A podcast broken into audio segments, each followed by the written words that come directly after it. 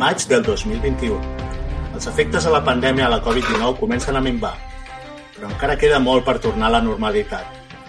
La majoria de fires, festivals, segueixen sense poder celebrar-se. Tot i així, el Sol al Còmic de Barcelona decideix per l'edició 2021 fer-se en versió digital. Tot va bé, fins que per motius que es desconeixen, després de la resolució del jurat al Gran Premi, es desencadena la tragèdia. Avui posarem llum a la foscor. Després d'aquesta petita introducció que ens ha fet uh, Mr. Francho, uh, venim a, a, a precisament explicar de què Nassos està parlant aquest bon home.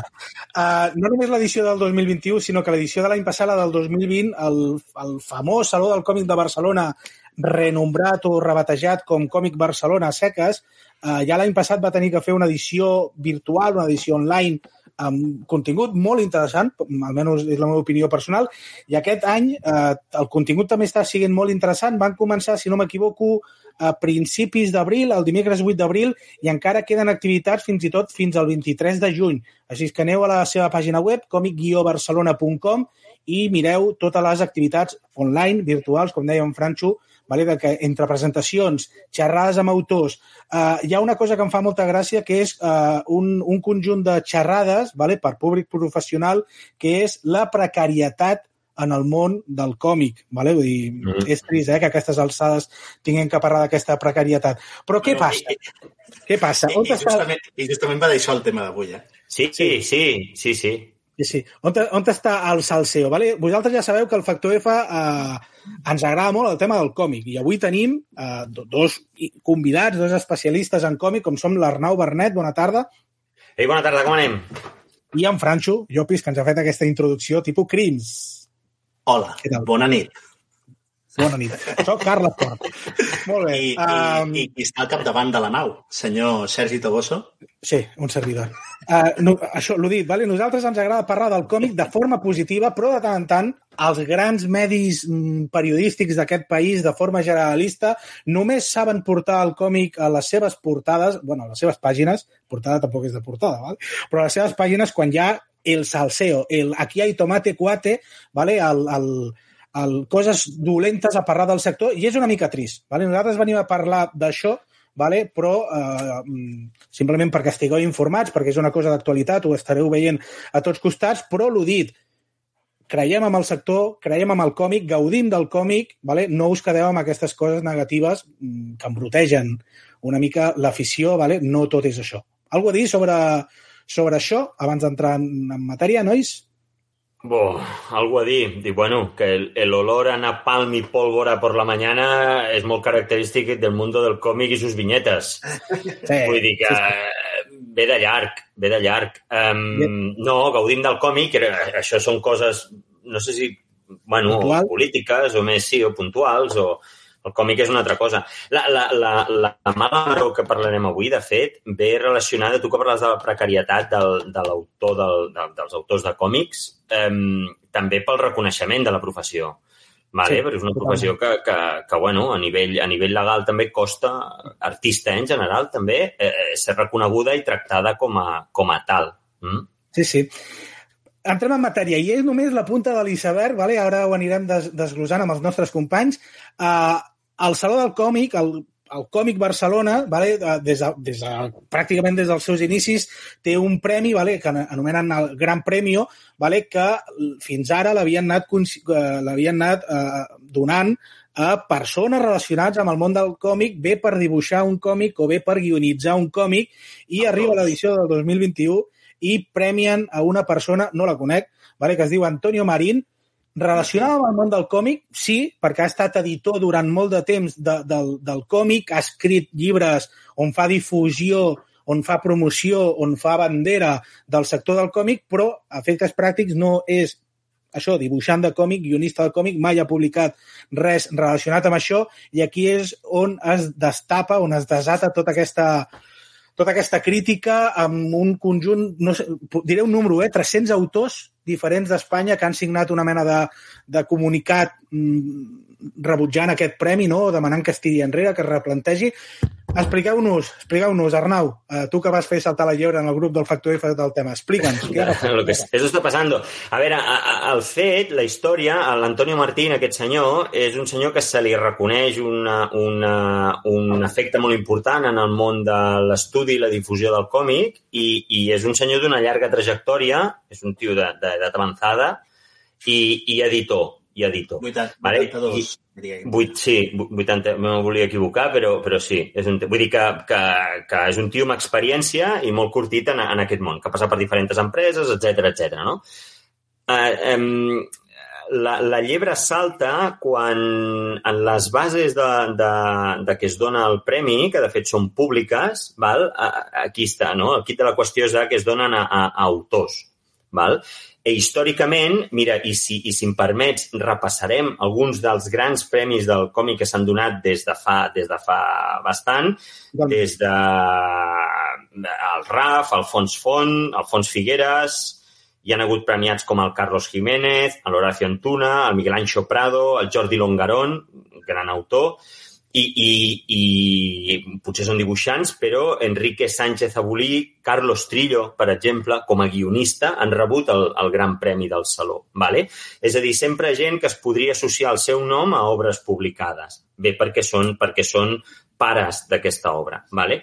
En un moment donat se li dona Antonio Martín. I, i clar, eh, aquí hi ha un conflicte, aquest premi està dotat també amb una dotació econòmica, i aquí hi ha un conflicte perquè aquest senyor no és autor no és autor.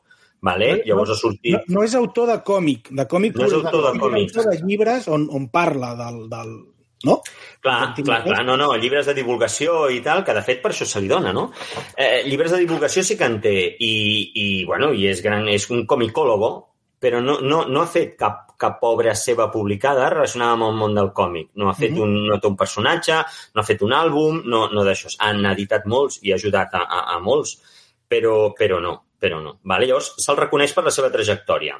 Fins aquí és l'oficial, no? Que llavors hi ha hagut una, una notícia d'última hora de Ficòmic que el que ha fet és una mica, bueno, escolta, és que històricament sempre se li dona autors, eh, en les bases posa autors, però, però què és un autor, no? I, no. aquí, bueno, han intentat... Bueno, Uh, bueno, sí, jo... Arnau, Ficòmic diu això, però clar, si entrem a, a què és un autor, bueno, potser l'any que ve com es comentava per, per Twitter, potser l'any que ve Sabina recollirà el Premi del Gran Saló del Còmic, al cap i a la fi és autor, i... Clar. És que és, és, com, és, si, és com si a l'Òscar del cinema li dones a un crític de cinema que, que, que divulga pel·lícules per tot arreu, per la ràdio, per tal, i ajuda a acostar el cinema a la gent.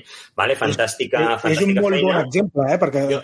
és exactament el mateix. Sí, no, sí, que, sí. Jo, jo, el que, jo el que crec... bueno, ho, ho ha dit perfecte, eh, l'Arnau? Eh, el gran problema que hi ha hagut aquest any, que, que ja s'arrossega de, fa, de fa uns quants, és que no hi ha un premi a la divulgació. Abans hi havia un premi a la divulgació de, del còmic i, per tant, era, era el lloc perfecte per donar-li el premi a Antonio Martín, t'agradi o no. Val? Però en allà sí que se li podia donar un premi. El problema d'haver eliminat el premi a la, a, la, a la divulgació del còmic és que, clar, et trobes amb, amb, amb que estàs trepitjant terreny dels autors, que ja ho tenen prou complicat en aquest país, com perquè a sobre un premi que els hi pot, a, a, a més un per trajectòria, el pot ajudar econòmicament i, i també a tenir reconeixement artístic, doncs se li, sí, sí. exacte, se li està negant això per donar-li el premi a una persona i en aquí ja és mm, opinió personal, és opinió meva, se li està donant el premi a una persona que ha treballat tota la vida, que no li ha faltat feina, que, a més a més, era el director de Planeta en el seu moment i de Comics Forum. Per tant, mm, estaríem parlant d'una persona molt ben posicionada que segurament no li calguin, crec jo, no li calguin aquests 2.500 euros ni la repercussió, ni, ni la visualització. Eh, hi ha molts autors de còmic eh, no, ja, ja no parlo de novells, eh? ja no parlo d'autors que, que estiguin començant en fanzines o, o que comencin a publicar les seves obres. Hi ha autors de més de 70 anys que no es poden jubilar perquè segurament són, bueno, han sigut sempre autònoms o han treballat en negre eh? i que, i que no, no són reconegudes les seves obres i que ara mm, el Saló del Còmic, que hauria de ser la casa dels autors de còmic, que aquesta gent faci aquesta entre cometes, marranada, doncs, doncs molesta, molesta i molt. Molesta moltíssim. I per què no parlem d'autores, eh? que també dintre d'aquest sector és com si no existissin. Bueno, Vull dir, donaria per una altra tertúlia. Eh? De fet, de fet, aquest any estava nominada Teresa Valero, crec, no? Amb el, amb el ja. tema, però bueno, una autora d'aquestes guapes. Hi havia unes quantes, en el Gran Premi no, però dins de les categories estava la Sara Soler, eh, la Penyes no sé si també estava. Vull dir, hi, hi havia gent, hi havia, hi havia noies també autores, mm. noies i dones autores, i, i bueno, és que eh, tornem al mateix. Aquestes autores veuen que, que no poden ser reconegudes perquè s'ha reconegut a un editor, que no dic que, que no estigui que s'hagin de... Que no s'ho mereixin, sí, sí. Que no es mereixin els editors o els divulgadors de còmic un premi, però no hauria de ser el gran premi del Saló del Còmic. I el... que, que es pot fer? Sí, perquè al cap i a la fi, depèn de com et llegeixis les bases, pot ser o pot, o pot no ser, però èticament ho trobo, ho trobo molt lleig. Però és que, aviam, és a dir, és que eh, eh, tu te pots mirar la definició d'autor com vulguis, però és que tots sempre és que, bueno, me n'he deixat des de King, José Sánchez, Jordi Bernet, eh, Manel Vázquez, eh, és que hi han tots, Francisco Ibáñez, tots són normalment autors d'algú. Què ha passat aquí? Ah, la reducció aquesta de premis que parla en Franxo, jo crec que ara això és una, la, la, la, la sanificació de tormenta perfecta, ¿vale? Va fruit d'una eh, opinió personal de cadència que va entrar en Ficomi quan anteriorment eren grans premis i s'han hagut d'anar reduint, reduint en, en molts sentits. ¿vale?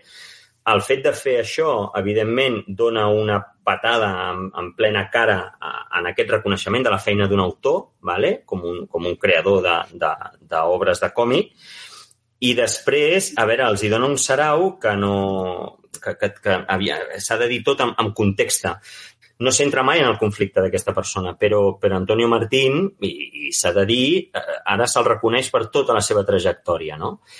I Antonio Martín té, té un, un punt fosc que no es nombra ni, a la, ni a l'associació d'autors ni tal, ni, però, però que està allà, ¿vale? que és que en el seu temps Antoni Martín tenia unes desavinències eh, conegudes per tothom amb, amb un personatge del món del còmic que es diu Ancels Pinyol. No? I aleshores eh, va haver-hi un dibuixant, com una revista de Dolmen, va publicar una revista, un, una història, una revista satírica, eh? on, on bueno, hi havia com un monigote de Fan Hunter i, i l'Antonio Martín i, bueno, i s'insultaven amb una espècie de paròdia del, de l'Imperio Contraataca es deien quatre coses. Pues, bueno, un monigote del, de l'Antonio Martín era, era catalogat com a pederasta, nazi i tal. Bueno, però dintre, dintre de la historieta. Bueno, Antonio Martín, que en aquell moment era editor de Planeta, va, va posar una, una demanda judicial contra això. Vale? Espera, espera, un, un moment. Em permets explicar aquest detall? Ara que sí. sí, sí, sí, sí. obvi. El, el, dibu el dibuixant que va fer la paròdia és David Ramírez eh, i, i bueno, ho, ho va fer dins el seu espai una sèrie que es deia Haciendo Amigos, un, uns còmics que si podeu recuperar són boníssims perquè el feia bàsicament eren fotre-se'n del sector. Uh, a cada número algú rebia, algun autor, algun lector, tothom rebia. Val? Vull dir, que ja era, un, ja era una secció en la que s'anava a fer sàtira i s'anava a fer conya. Una altra cosa és que potser les paraules que va utilitzar en aquell còmic com nazi pedrasta pots valorar si calien o no calien. Però al cap i a la fi és, és, eh, bueno, és una historieta i no és res, mm, res greu. El pitjor de tot, d'això que diu l'Arnau, Antonio Martín fica una, una querella eh, perquè li han, bueno, li han, li han ultratjat l'honor val? i fica una querella en un primer moment, que això hi ha gent que no se'n recorda, fica la querella contra Cels Pinyol, perquè en la vinyeta... és ell qui li diu. Sí, bueno... Qui li diu nazi i pederasta mm. a l'Antonio Martín. Però Cels Pinyol no té res a veure. Aleshores, veient la cagada descomunal i, i tal com va quedar en el seu moment, que va quedar retratat Antonio Martín, eh, per, per, per orgull propi, va agafar i va, va passar el que era la querella criminal cap a David Ramírez, que era l'autor de la vinyeta. David Ramírez en aquells moments, no sé si tenia 20 o 20, 22 anys, tot just començava, tot just eh, començava a fer la seva obra. Evidentment, una persona amb 20-22 anys li cau una querella criminal I, bueno, una querella criminal no, una, no, no sé com es diu, eh? és una querella per, per danys. Sí, bueno, per calúmnies, sí, sí, aquesta, sí. Sí, per calúmnies. Mm. Imagineu-vos el que suposa això. Un autor novell que està fent la seva obra satírica i que un eh, editor, a l'editor de l'editorial més important de còmic en aquell moment a Espanya, li fica una querella. bueno, això, això va ser va ser espectacular.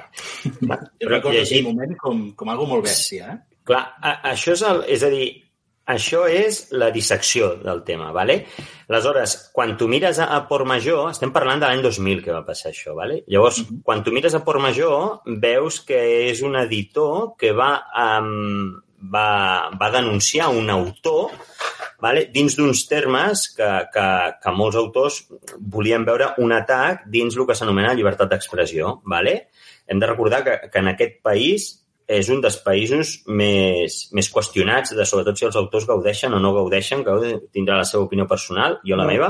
Recordem la famosa portada del jueves on el príncep Port... tenia que treballar, no? Portades del jueves, tal, tal. És a dir que, eh, bueno, a, aquest incident no, no es nombra en lloc, però està en la ment de tothom, no? Perquè, perquè vale, molt editor, molt tal, i si tu premies tota la trajectòria, mmm, bueno, ojo, perquè també estaràs premiant això, i això no és un acte menor. Um, evidentment, per un autor la llibertat d'expressió és, bueno, com per tothom hauria de ser, vale? hauria de ser un, un dels béns més preuats.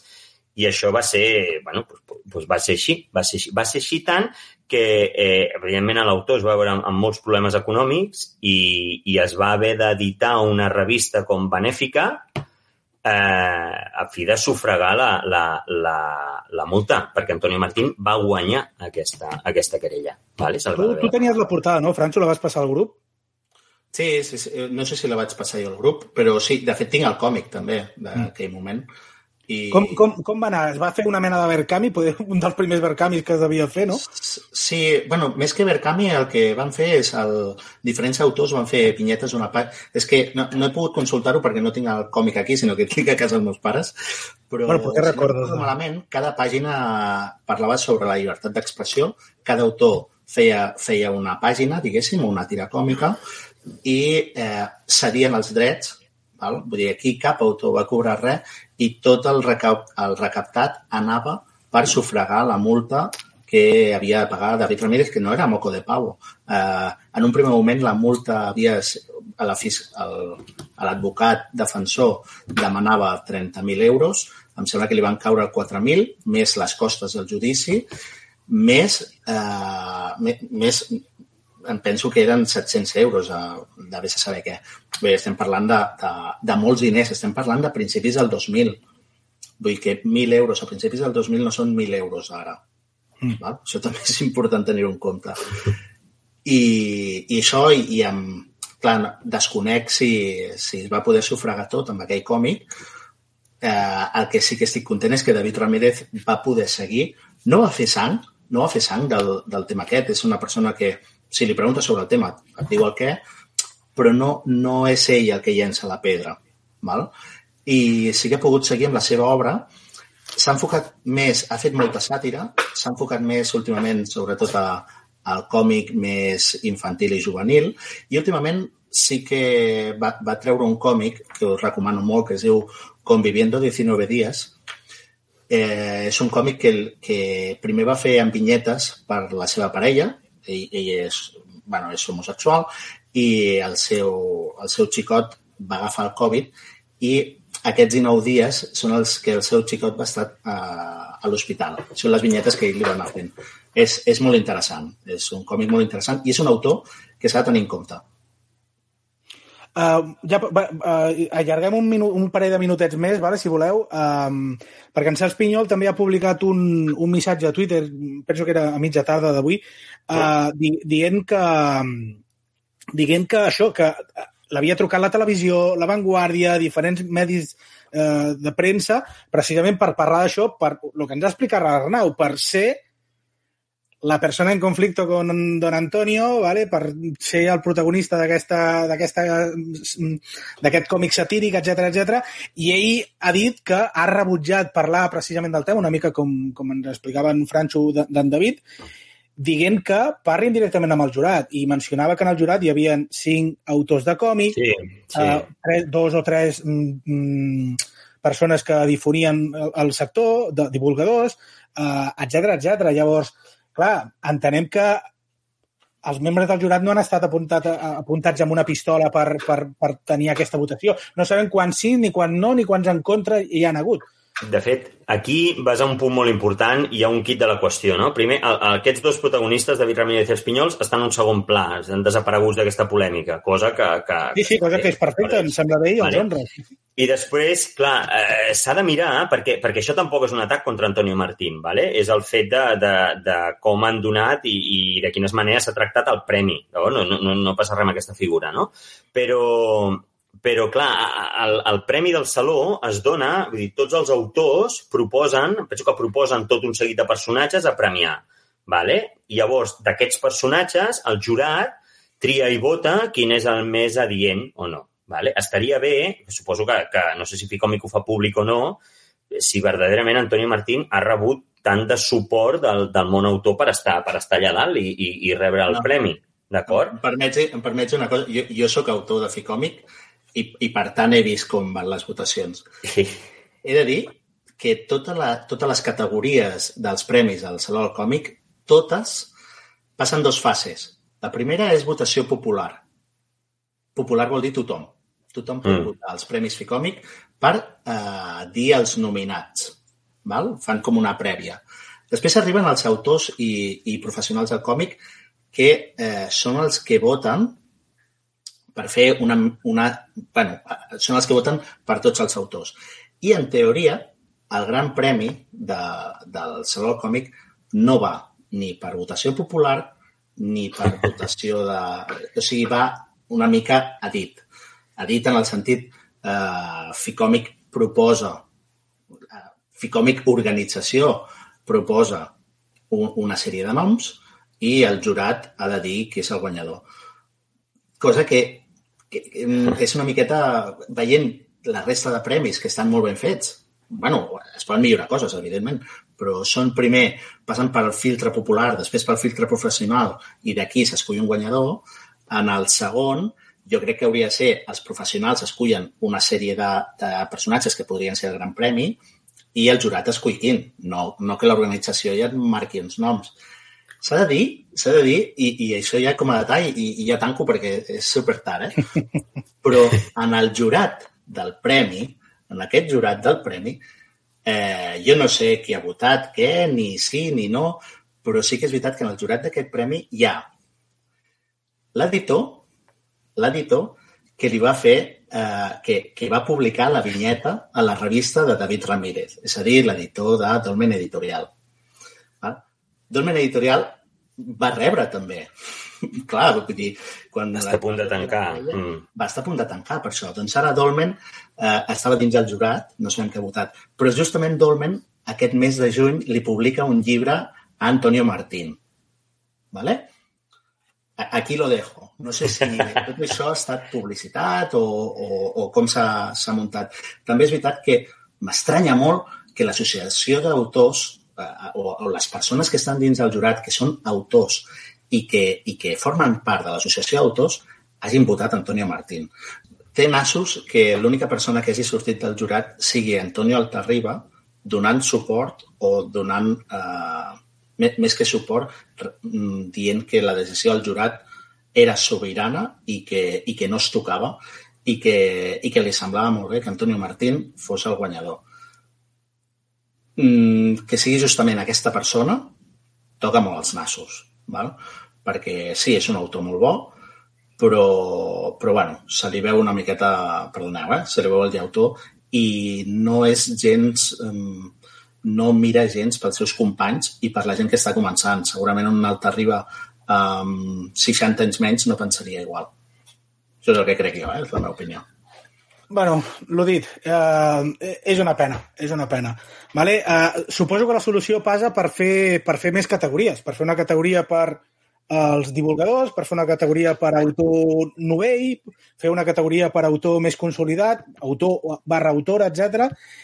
I, I jo què sé, si han de ficar més diners que els posin i si els han de dir que els divideixin. Vull dir, Vull dir, a un autor novell suposo que 2.500 euros sí li salva mitja vida, però a una persona, jo què sé, dir, no, le vamos a dar el premio a, jo què sé, a, al cantante Rafael por toda una trayectoria encima de los escenarios. Aquest senyor no necessita 2.500 euros. Exacte. Vale? No, eh, la, la solució, Sergi, perdona que et digui, és molt, però a hores d'ara, a, a, a juny del 2021, és molt, molt complicada. I és molt complicada perquè, arrel de tot el que ha passat, que sembla una tonteria, però per la gent que treballa això és molt important, eh, hi han molts autors, hi han molts autors, eh, no tots dels 300 signants, però hi ha molts i molt importants premis nacionals d'Espanya, de, del còmic, que han dit que en ells, per ells, el Saló del Còmic de Barcelona ja no existeix. I no pensen col·laborar mai més. Això és, un, això és un problema molt gros. No estem parlant d'autors que estiguin començant, eh? estem parlant d'Albert Montells, de Paco Roca, d'Anna Penyes, de Santiago García, estem parlant David de... Rubín. David Rubín. Estem parlant de primeres espasses. Estem parlant de tios que estan treballant mm, a Espanya com poden, però sobretot a fora i, i estan dient que no col·laboraran, que no pensen fer res pel Saló Còmic mentre es mantingui aquesta decisió del jurat. Amb alguns factors i fases anteriors que hem parlat precisament del Saló del Còmic, ho hem dit. Com és possible que un Ramon i Fabac s'hagi de pagar de la seva butxaca un estant de, de mig metre per mig metre per poder portar els seus originals o les seves commissions a vendre? Aquest senyor hauria de tenir un altar pagat per l'organització. I com ell, tots com ell, tots els autors que vulguin i decideixin anar voluntàriament al Saló del Còmic.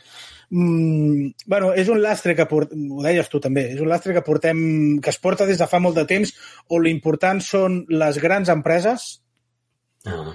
que vingui per amunt a muntar un estant amb una maqueta d'una nau o amb el que sigui i ens oblidem de la petita llibreria eh? perquè també hi ha llibreries supergrosses que podent poc o res tenen que fer allà dintre i ens oblidem de la petita llibreria del barri de tota la vida i de l'autor de còmic de tota la vida. Mm, bueno, és difícil d'arreglar perquè la pasta és la pasta i qui porta gent i qui, bueno, ja ho sabem, ja ho sabem. Però per sort, per sort, hi ha altres salons del còmic més humils, més modestos. Aquest està. Ja a veure. Sergi, la polèmica marxarà i el còmic es quedarà. O sigui Exacte. que ens quedem amb això i ja està. Ja està. Quedeu-vos amb això, doncs. Doncs... pues molt bé. Com a, final, com a frase final m'encanta, eh? La polèmica marxarà, però el còmic es quedarà. Bona tarda, amics. Res més a dir. Ens veiem a la propera. Adéu. Vinga, adéu, guapos.